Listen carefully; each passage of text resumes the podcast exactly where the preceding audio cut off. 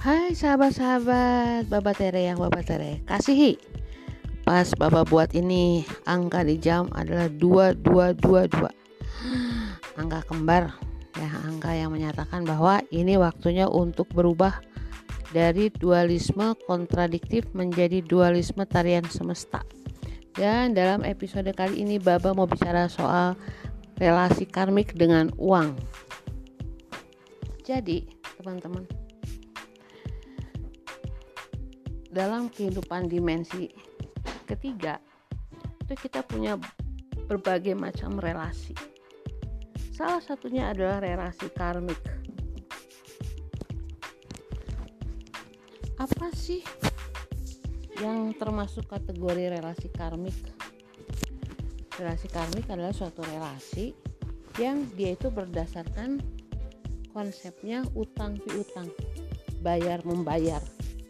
Ya, kalau dalam kitab suci dikatakan tangan ganti tangan mata ganti mata.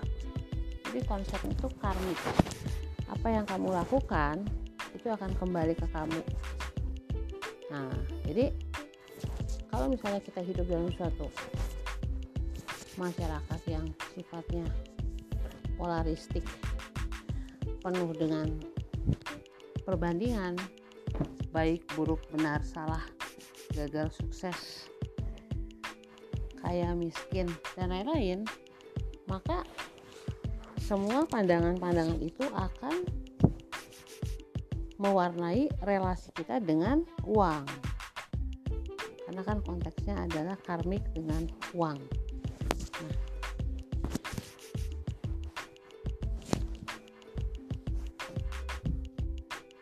banyak sekali dari kita ya yang mencoba law of attraction dan gagal.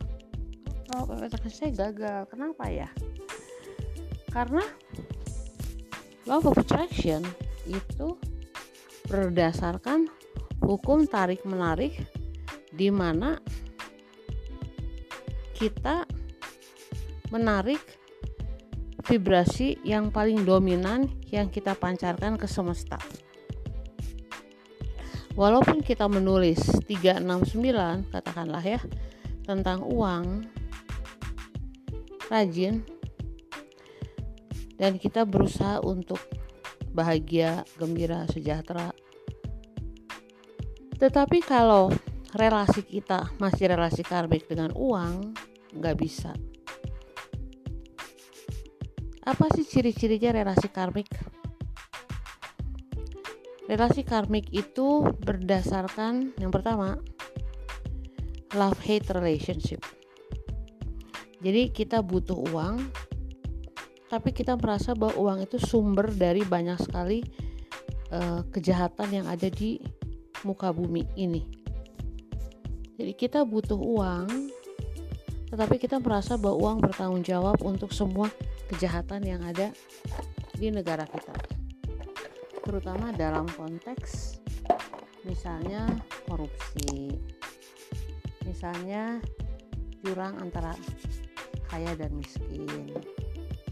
Misalnya iri hati kenapa ada orang yang tidak bekerja tetapi rezekinya banyak.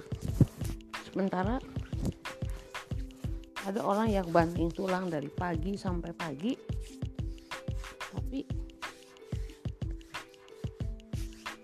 kayaknya uang tidak dikasih. Rezeki kepada mereka seret. Ya jadi itu tergantung pola pikir kita tentang relasi kita dengan uang ya. nah untuk tahu relasi kita relasi karmik apa enggak itu sangat sederhana teman-teman. Kalau kita baca berita atau kita mendengarkan berita lalu berita itu tentang seorang yang korupsi miliaran tapi hanya di penjara 6 bulan misalnya. Atau tentang seorang pejabat yang mengendarai kendaraan mewah.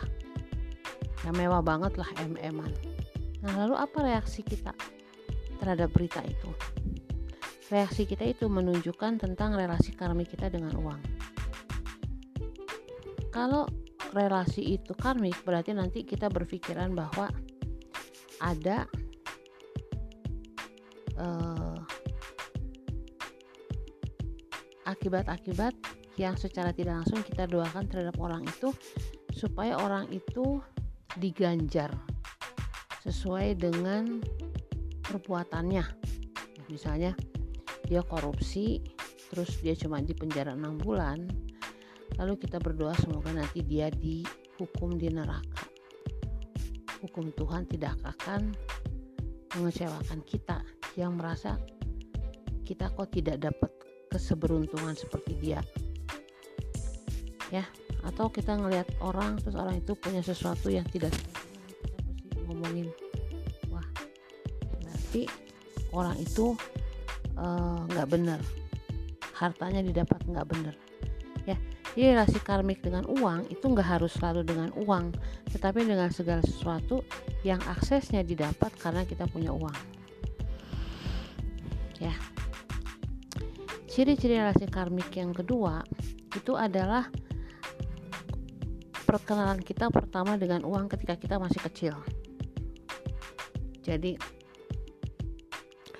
kalau misalnya pada waktu kecil itu kita di sering di marahin kalau minta uang. Yang banget. Nggak ada uang lah. Emangnya uang itu gampang? Atau ada yang lebih parah lagi? Nggak ngerti orang tua susah cari uang. Kamu enak-enak aja. Gitu loh. Jadi ada perkataan-perkataan orang tua yang menyalahkan kita karena kita minta uang. Lalu seakan-akan mereka bekerja keras karena mereka terpaksa supaya kita bisa sekolah di tempat yang baik makan makanan yang bergizi dan lain-lain. Ya. Atau karena mereka memang pengen untuk gengsi di depan orang lain. Terutama di depan keluarga besar ya dengan luka-luka batin. Masa lalu itu biasanya orang membawanya ke masa kini lalu tinggal menunggu momen yang tepat untuk mengeluarkan kemarahan masa lalu apalagi dihubungkan dengan uang yang konotasinya adalah kemiskinan dan kesusahan jadi relasi kita dengan uang itu adalah relasi pertama ketika orang tua kita memperkenalkan tentang uang. Apakah kita menganggap uang itu sebagai uh, sesuatu yang merupakan fasilitas untuk kita yang memfasilitasi kebahagiaan hidup kita atau dia merupakan beban beban ya, misalnya kamu nanti kalau misalnya dapat 100 dikasih uang jadi kita berusaha untuk dapat 100 supaya kita dapat uang. Nanti ketika kita sudah besar, relasi kita dengan uang adalah kita harus melakukan sesuatu supaya kita punya uang. Ya. Seperti itu teman-teman. Nah, jadi kita harus menyembuhkan relasi karmik dengan uang. Relasi karmik dengan uang juga itu adalah hasil dari kebohongan-kebohongan yang kita terima semasa kita belum berpikiran dengan nalar yang sehat, nalar yang tepat ya. Jadi misalnya uh, kita dibohongi bahwa kita nggak boleh mengharapkan terlalu banyak uang karena nanti kalau berharap terlalu besar kalau nggak dapat sakit ya atau jangan terlalu berharap uh, melebihi kekuatan atau kemampuan kita.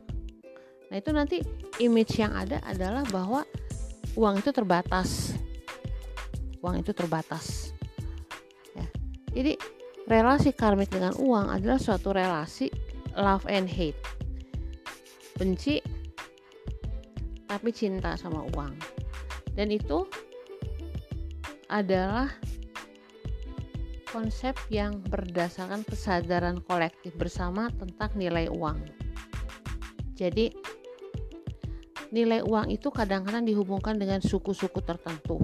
Misalnya, ada suku yang dianggap mereka pekerja keras dan mereka lebih kaya daripada suku lainnya. Tetapi ada juga pikiran bahwa suku-suku tertentu itu nggak pantas dibayar tinggi karena mereka itu lebih rendah ya. Seperti kalau contohnya di Amerika Serikat itu ya kalau Indonesia nanti terlalu sensitif dengan sukuisme kalau di Amerika Serikat itu pada waktu cuma ada orang kulit putih kulit hitam dan orang Indian American ya cuma ada tiga golongan itu maka yang pertama adalah orang kulit putih lalu yang kedua orang kulit hitam lalu yang ketiga adalah orang-orang Indian Amerika lalu ketika orang-orang Hispanic keturunan Spanyol Amerika Latin, Amerika Tengah datang, mereka tidak ada di dasar piramida sosial tersebut. Mereka langsung naik menjadi ranking kedua. Jadi setelah kulit putih, Hispanic, kulit hitam baru selalu the bottom adalah orang-orang Indian Amerika. Nah, ini mempengaruhi konteks uang. Jadi, kalau ada 10 orang kulit hitam melamar lalu ada dua kulit Hispanic melamar pekerjaan yang sama maka kecenderungan itu akan diterima adalah orang-orang Hispanic nah nanti kalau orang Hispanic diterima dan ada beberapa orang kulit hitam yang diterima maka orang Hispanic itu gajinya lebih besar, posisinya lebih tinggi dibandingkan dengan orang kulit hitam. Nah, ketika orang-orang Asia datang, yaitu orang-orang Korea dan Jepang datang ke Amerika, tebak mereka mencapai posisi keberapa dalam piramida sosial? Ya, mereka langsung menyingkirkan orang-orang Hispanik lalu menduduki tingkatan kedua setelah kulit hitam. Kenapa? Karena orang-orang Korea dan Jepang yang datang ke Amerika itu adalah orang-orang yang mempunyai profesi mereka orang-orang pandai sehingga mereka bisa menduduki posisi pekerjaan dengan gaji yang lebih besar ya.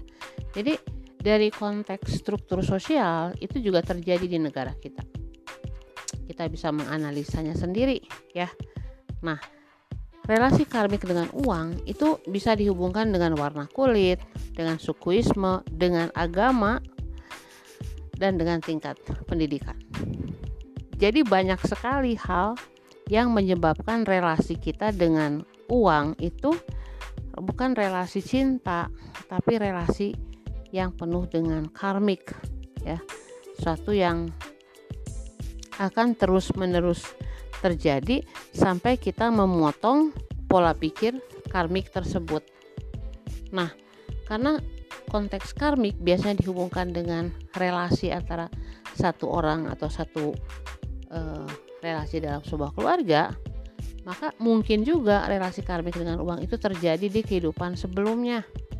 Ketika kita di kehidupan sebelumnya itu ada dalam posisi yang lemah secara finansial memorinya, emosinya bisa dibawa sampai sekarang. Jadi kita harus benar-benar uh, melakukan shadow work, yaitu melakukan penyembuhan terhadap luka-luka batin kita yang diakibatkan oleh konsep kesadaran kolektif secara institusi. Jadi nanti institusinya ngomong gini lalu kita percaya bahwa itu betul ya. Misalnya nih teman-teman ketika revolusi industri mulai di Eropa, maka diperlukannya kelas namanya kelas buruh atau kelas pekerja. Kelas buruh atau pekerja ini mereka itu disuci otaknya supaya mereka merasa bahwa mereka butuh pekerjaan. Ketika mereka merasa mereka butuh pekerjaan dengan jumlah pekerjaan yang sedikit dibandingkan dengan jumlah orang yang mencari kerja, maka dibuat suatu sistem keuangan bahwa uang itu susah kita digaji UMR udah bahagia ya. jadi banyak sekali sisi-sisi relasi kita dengan uang yang harus kita telaah sebelum kita melakukan love of attraction apalagi love of manifestation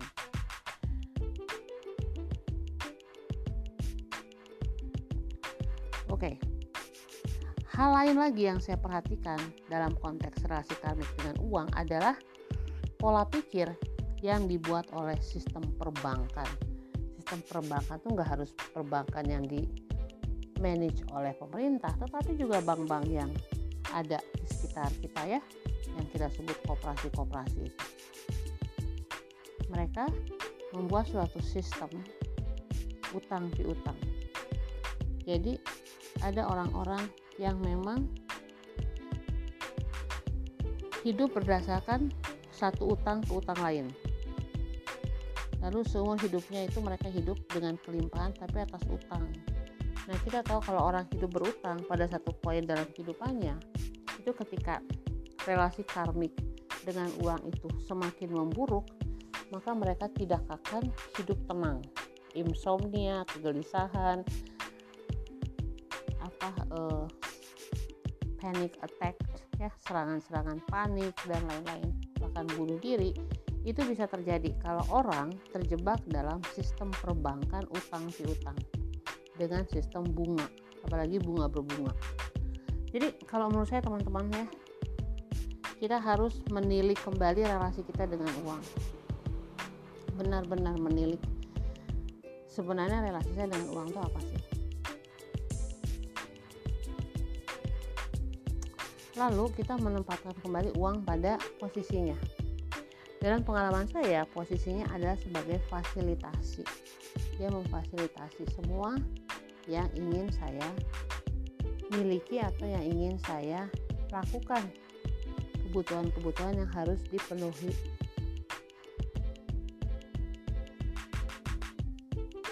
Nah, teman-teman, ada hal lain lagi yang membuat relasi karmik kita dengan uang, yaitu uh, ajaran-ajaran agama yang penuh dengan kepalsuan atau kebohongan. Misalnya nih ya, saya dibesarkan dalam konteks Kristianitas dan selalu diajarkan bahwa walaupun Yesus itu putra Allah, tetapi dia hidup miskin karena dia lahirnya di kandang domba. Ya. Tapi sejak dulu saya pikir nggak masuk akal banget ya. Kenapa? Karena sebelum dia ke kandang domba itu Yosef membawa istrinya itu ke penginapan-penginapan dan penginapannya sudah penuh karena pada waktu itu ada sensus dari Kaisar Agustus. Jadi semua orang mesti pulang ke daerah masing-masing. Dan Yosef membawa Maria yang sedang hamil itu ke Bethlehem. Karena hamil maka jalannya lebih lambat dari orang lain sehingga hotel-hotel sudah penuh. Logikanya adalah bahwa keluarga Yosef itu keluarga berada. Mereka cari hotel dulu. Karena nggak ada hotel baru lahir di kandang kambing ya. Sesuatu yang merupakan suatu penipuan umum. Harusnya dikatakan dijelaskan seperti itu. Bahwa mereka punya uang. Karena kan Yosef itu adalah pengusaha mebel. Pengusaha mebel pada zaman itu ya kaya raya. Sangat kaya raya.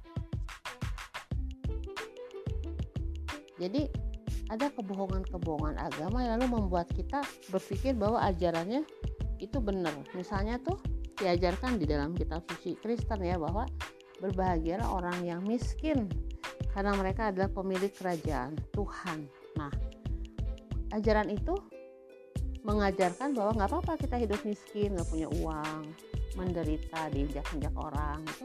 Tapi toh nanti kalau kita mati kita masuk kerajaan Allah. Suatu kebohongan ya bagaimana sesuatu yang bersifat berkesinambungan yaitu setelah kita mati lalu kita akan mengalami kehidupan kembali itu bisa berubah 180 derajat. Dari yang miskin banget tiba-tiba kaya raya nggak bisa. Karena yang kita bawa adalah emosi kita ketika kita mati. Kalau emosi kita penuh dengan penderitaan maka kemungkinan besar di kehidupan reinkarnasi selanjutnya kita juga penuh dengan penderitaan akibat emosi itu. Nah, jadi ada kebohongan-kebohongan apalagi setelah kita tahu bahwa uh, Yesus itu suka diundang ke temannya yang orang kaya ya orang Sakeus dia punya akses ngobrol sama ulama-ulama di sinagoga. Kan cuma orang kaya dan berpendidikan yang bisa seperti itu. Jadi kita harus melihat kebohongan apa yang diajarkan oleh agama kita sehingga membuat kita mempunyai relasi karmik dengan uang ya baik teman-teman. Jadi uh, kita harus benar-benar merefleksikan relasi kita dengan uang. Nah sekarang proses bagian kedua adalah proses pemulihan relasi karmik. Bagaimana cara kita memulihkan relasi karmik kita dengan uang? Oke. pertama kita harus tahu bahwa segala sesuatu yang ada di semesta ini adalah energi. Dan energi itu dia bersifat berputar. Dia selalu bergerak. Maka uang adalah energi. Dan dia juga selalu harus bergerak. Kenapa uang harus bergerak karena atom ya energi atau atom itu dia menghemat energinya dengan berjejaring dengan berkoneksi dengan atom-atom lain. Anda lihat di fisika atom-atom itu selalu bergerak. Nah, nah uang juga harus selalu bergerak. Jadi sekarang berelasi dengan uang sebagai energi. Lalu, semua yang ada dalam diri kita itu juga energi, termasuk pikiran dan perasaan kita. Itu adalah energi yang bergerak. Maka pergerakan saya dengan pergerakan uang itu harus sinkron, harus harmonis. Tidak boleh ada perasaan nggak suka nggak punya nggak berharga nggak pantas nggak bisa. Ketika kita berhadapan berkoneksi dengan energi uang itu kita harus merasakan sebuah vibrasi kelimpahan. Karena uang itu netral. Dia tidak memilih-milih. Dia tidak bersifat positif dia tidak bersifat negatif tapi kita manusia yang hidup dalam dualisme positif negatif yang dipertentangkan kita yang harusnya memilih. Bahwa kita memilih untuk bervibrasi tinggi terhadap uang. Artinya apa? Kita berelasi dengan uang kita berkomunikasi dengan uang seakan-akan uang itu adalah entitas hidup. Jadi kita ngobrol sama uang ya Kapan terakhir Anda bicara dengan uang? Kapan terakhir Anda berterima kasih atas kehadiran uang? Pernahkah Anda berdialog dengan uang dengan menyatakan bahwa terima kasih engkau sudah hadir dalam kehidupan aku dalam kelimpahan. Sekarang aku akan melepaskan engkau untuk bergerak saving energi ke orang lain tapi bilang bahwa nanti kalau kembali lagi ke kita itu bawa teman-teman yang banyak. Nah pola-pola pikir adalah pola-pola pikir kelimpahan. Karena ada semua kemungkinan dan kemungkinannya adalah kemungkinan untuk lebih bertambah. Selain bertambah berjejaring juga bertambah secara nominal. So teman-teman berdialoglah dengan uang. Perlakukan uang sebagai sahabat yang baik Pernah suatu saat saya kagum dengan dua orang sahabat saya di Jakarta. Kedua-duanya kerja, yang satu kerja di bank ya, dengan posisi tinggi, yang satu lagi kerja di proyek, proyek developer gitu. Akses miliaran. Nah, ketika saya melihat mereka membuka dompet mereka, itu di dompet mereka itu ada plastik. Nah, plastik itu mereka pakai uang, taruh di plastik, lalu disimpan baik-baik di dompetnya lalu dibandingkan dengan orang yang nggak punya dompet terus uangnya dikucil-kucil gitu masukin kantong. Ya kita melihat bagaimana relasi seseorang dengan uang yang akan mendatangkan uang lagi. Anggap saja uang itu mempunyai martabat dan kita harus memperlakukan uang itu dengan martabat sesuai dengan martabatnya dan dia akan kembali dengan memberikan martabat kepada kita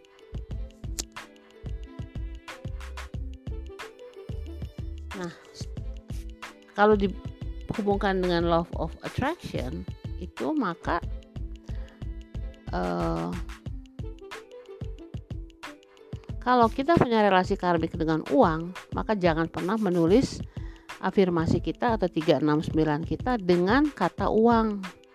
Karena di dalam otak kecil kita, walaupun kita sudah berafirmasi selama beratus-ratus kali, tapi memori relasi karmik akan selalu ada. Maka dalam berloa atau berlaw of manifestation, teman-teman, kita pakai kata-kata baru yang bagi otak kita itu baru. Misalnya, kalau misalnya kita ingin banyak uang, itu lebih baik kita pakai istilah kebebasan finansial, kebebasan keuangan, financial freedom. Itu lebih baik teman-teman, lebih baik.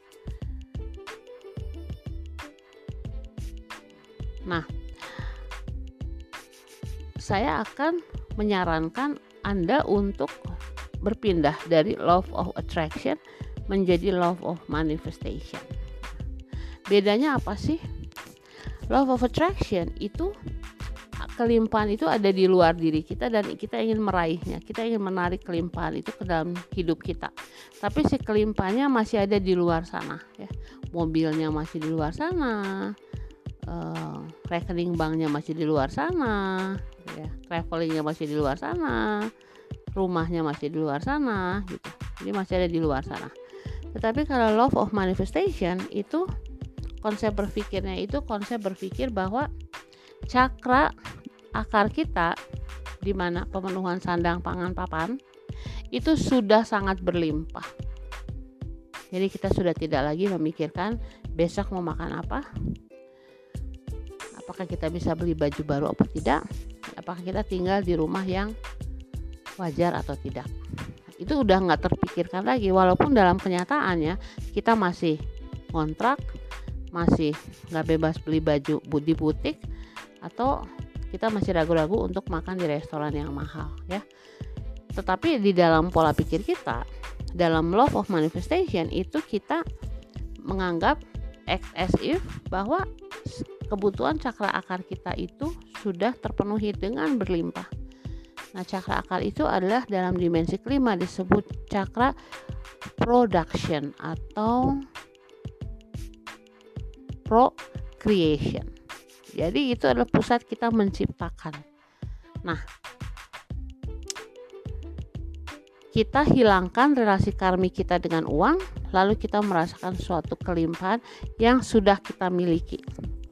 Caranya gini, teman-teman jadi kalau kita berhubungan dengan uang itu jangan dilihat nominalnya berapa, tapi uang adalah uang. 100 ribu itu sama dengan satu miliar. Sama.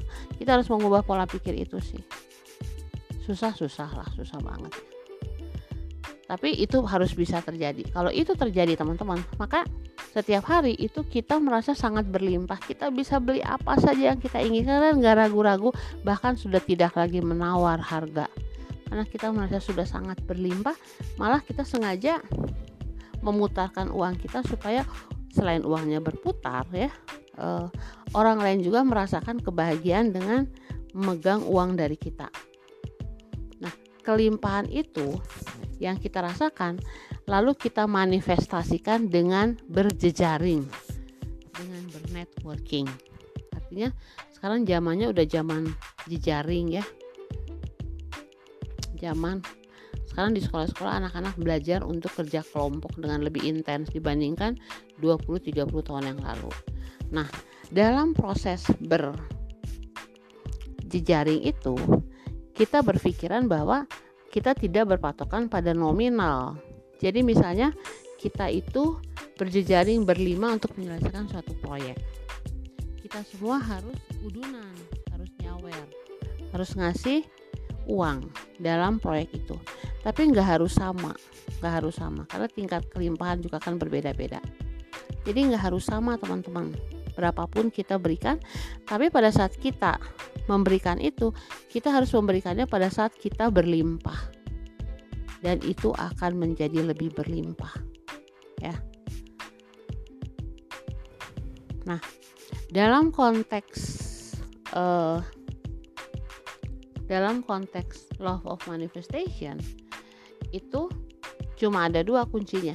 Merasa berlimpah dan berjejaring jadi kalau law of manifestation itu kita nggak usah nunggu-nunggu kayak law of attraction.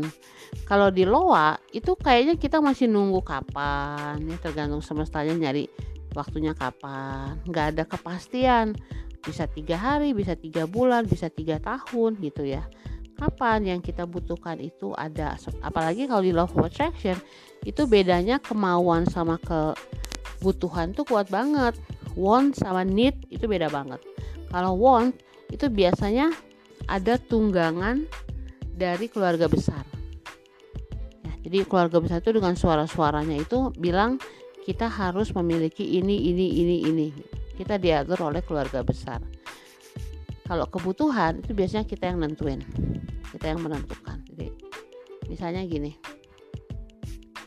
uh, kalau kemauan itu tuh orang lain punya mobil. Kamu juga harus punya mobil walaupun kamu kredit. Pokoknya mobilnya nggak boleh di bawah tahun berapa. Pokoknya mobilnya harus mewah. Gini gini gini gini. Nanti malu dong apa kata orang? Nah itu itu namanya kemauan. Karena itu ditentukan oleh suara-suara dalam keluarga besar. Tapi kalau kebutuhan itu adalah kita beli mobil karena kita butuh. Pada saat kita nggak butuh lagi kita lepaskan dengan sangat-sangat mudah. Tidak ada kemelekatan. Nah tapi tetap apa yang kita inginkan dan kita butuhkan itu adanya di luar diri kita di semesta raya sana yang memang berlimpah dan ingin kita tarik dengan berbagai macam metode teman-teman. Tetapi kalau manifestation itu kita udah kaya kita udah berlimpah banget. Kita punya 10 ribu aja kayaknya setengah mati gitu. Wah 10 ribu eh bisa beli silver queen satu atau bisa beli sprite botol medium gitu ya. Wah 10 ribu tuh banyak banget tuh ya jadi dengan kelimpahan itu lalu kita cari teman-teman yang mempunyai vibrasi yang sama lalu kita mulai berjejaring.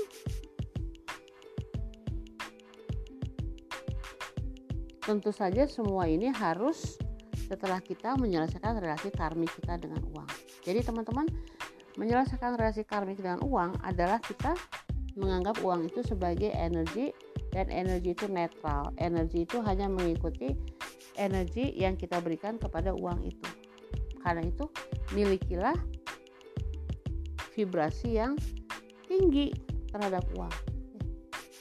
Lalu kita harus menghapus luka-luka masa kecil tentang uang ya dan menjadi intelek dalam menyikapi kebohongan-kebohongan publik seperti ajaran untuk apa jadi orang kaya. Mereka nggak bahagia. Salah teman-teman. Semua orang kaya itu bahagia. Mereka kalau mau traveling tinggal cek Tokopedia apa? Traveloka pesen tiket berangkat. Ya bohong kalau orang-orang bilang gini dia tuh kaya tapi dia nggak bahagia. Kayak sinetron sinetron tuh bohong banget. Nggak bener itu. Ya orang kaya itu bahagia karena mereka mempunyai akses dan kebebasan finansial untuk melakukan apa yang mereka inginkan kebohongan yang paling besar tuh. Lalu kita harus berhenti untuk membaca atau mendengarkan berita-berita yang sifatnya itu menyudutkan uang. Jadi kalau ada seorang koruptor itu lagi disudutkan di berita utama di televisi sebenarnya yang disudutkan adalah uang. Karena uangnya nggak tahu apa-apa ya. Uangnya kan hanya mengikuti vibrasinya orang itu. Tapi lalu uangnya diikut-ikutin gitu. Nah memang uang adalah e, sumber imoralitas di dalam masyarakat gitu. Kalau nggak ada uang mungkin nggak banyak orang yang berkorupsi atau nggak ada kesenjangan sosial atau nggak ada e, iri hati gitu ya. Jadi uangnya jadi korban. Harus diperbaiki hubungan itu. Teman-teman Oke, jadi segitu aja tentang relasi karmik dengan uang. Mulai sekarang katakanlah I love you money, you love me, let's have fun. Kalau uangnya mau pergi, ya udah kamu pergi dulu ya. Nanti balik lagi rame-rame gitu ya. Ya. Um, ada satu hal yang lupa saya katakan lebih baik dikatakan deh salah satu cara untuk merasa berlimpah itu kalau kita cuma punya uang terbatas. Itu begini teman-teman. Misalnya kita punya uang 50 ribu ya. Masuklah kita ke sebuah toko lalu kita bicara kepada barang-barang yang harganya di bawah 50 ribu. Kita bilang misalnya kita mau beli minyak minyak 2 liter. Harganya 25.000 kita bilang ke minyak itu gini saya bisa beli kamu loh sebenarnya. Cuman saya mau beli yang lain dulu ya tapi saya bisa beli kamu gitu. Nah jadi di otak kita ya wiring di otak kita itu mengatakan kita bisa beli itu kita bisa beli itu. Lalu kita berpindah ke barang lain. Kita lihat misalnya ada apa ya yang harganya 45.000 kita bilang saya bisa beli kamu sebenarnya. Saya punya uang nih tapi kayaknya saya hari ini nggak beli kamu ya. Tapi saya bisa beli kamu. Nah di dalam otak kita itu jumlah uang yang kita miliki itu sudah adalah jumlah dari barang pertama ditambah dengan barang kedua. Dan seterusnya dan seterusnya tanpa membeli secara nyata. Karena ada penelitian di Amerika Serikat yang mengatakan bahwa otak itu nggak bisa membedakan mana yang imajinasi, mana yang realistis. Otak itu tetap menganggapnya sama. Jadi ada research, research itu ada dua orang, yang satu atlet, yang satu bukan atlet. Yang atlet itu berlari mengelilingi lapangan, sementara yang bukan atlet itu hanya duduk di depan komputer dan mengimajinasikan dia sedang berlari di lapangan yang sama. Ternyata grafik otaknya sama, itu suatu penelitian yang mengherankan ya. Jadi lalu para saintis mengatakan bahwa otak tidak bisa membedakan mana yang real, mana yang imajinasi. Jadi kita mempergunakan informasi ini untuk berimajinasi, bervisualisasi. Seperti itu teman-teman. Lalu satu lagi, kalau misalnya Anda sudah mempunyai anak, setiap kali anak itu minta uang, itu jangan dipidatoin uang susah lah bapak harus kerja keras enggak usah jangan dipidatin nanti kita meneruskan lingkaran kekerasan uh, terhadap uang lalu membuat uang itu susah kepada anak kita. Jangan dong kan kita mau mengubah uh, apa masa depan anak kita menjadi masa depan yang lebih bahagia. Jadi kita negosiasi. Saya gini ini anak ini dia minta Lego. Lego tuh harganya 15.000 kita cuma punya uang 10.000 gitu. Maka kita nego sama dia gini. Ada sih uang uh, 10.000 gimana kalau misalnya beli layangan? Atau beli apa yang harganya 10.000 gitu. Nanti next time kalau mama ada 15.000 kita beli Lego yang itu. Jadi si anak itu tahu bahwa uang ada dan ada pilihan. Dan itu penting sekali untuk mendidik anak-anak kita. Kita nggak mau mendidik, membangun sebuah generasi di mana anak-anak merasa kurang, nggak punya, nggak mampu, nggak bisa. Jangan, jangan. Secara finansial ya, kita harus memberikan ide bahwa mereka sangat berlimpah. Nanti dalam proses itu kita usahakan selalu membelikan mereka barang-barang yang bagus, barang-barang yang uh, enak dipakai itu memberikan image pada mereka bahwa kelimpahan itu mudah. Mereka punya akses terhadap kelimpahan dan uang itu mudah. Ya. Jadi itu penting banget teman-teman. Ada pola-pola pikir sehingga kita menghentikan lingkaran relasi karmik dengan anak-anak kita. Dan akhirnya untuk merayakan uang itu sering-seringlah traktir teman itu energinya kuat banget untuk mengembalikan uang teman-teman. Jadi traktir teman anda terutama teman-teman yang anda sayangi. Oke sampai sini saja. Terima kasih sudah menyimak dan jangan lupa putuskan hubungan karmik dengan uang capailah financial freedom dan milikilah relasi cinta kasih dengan uang. Namaste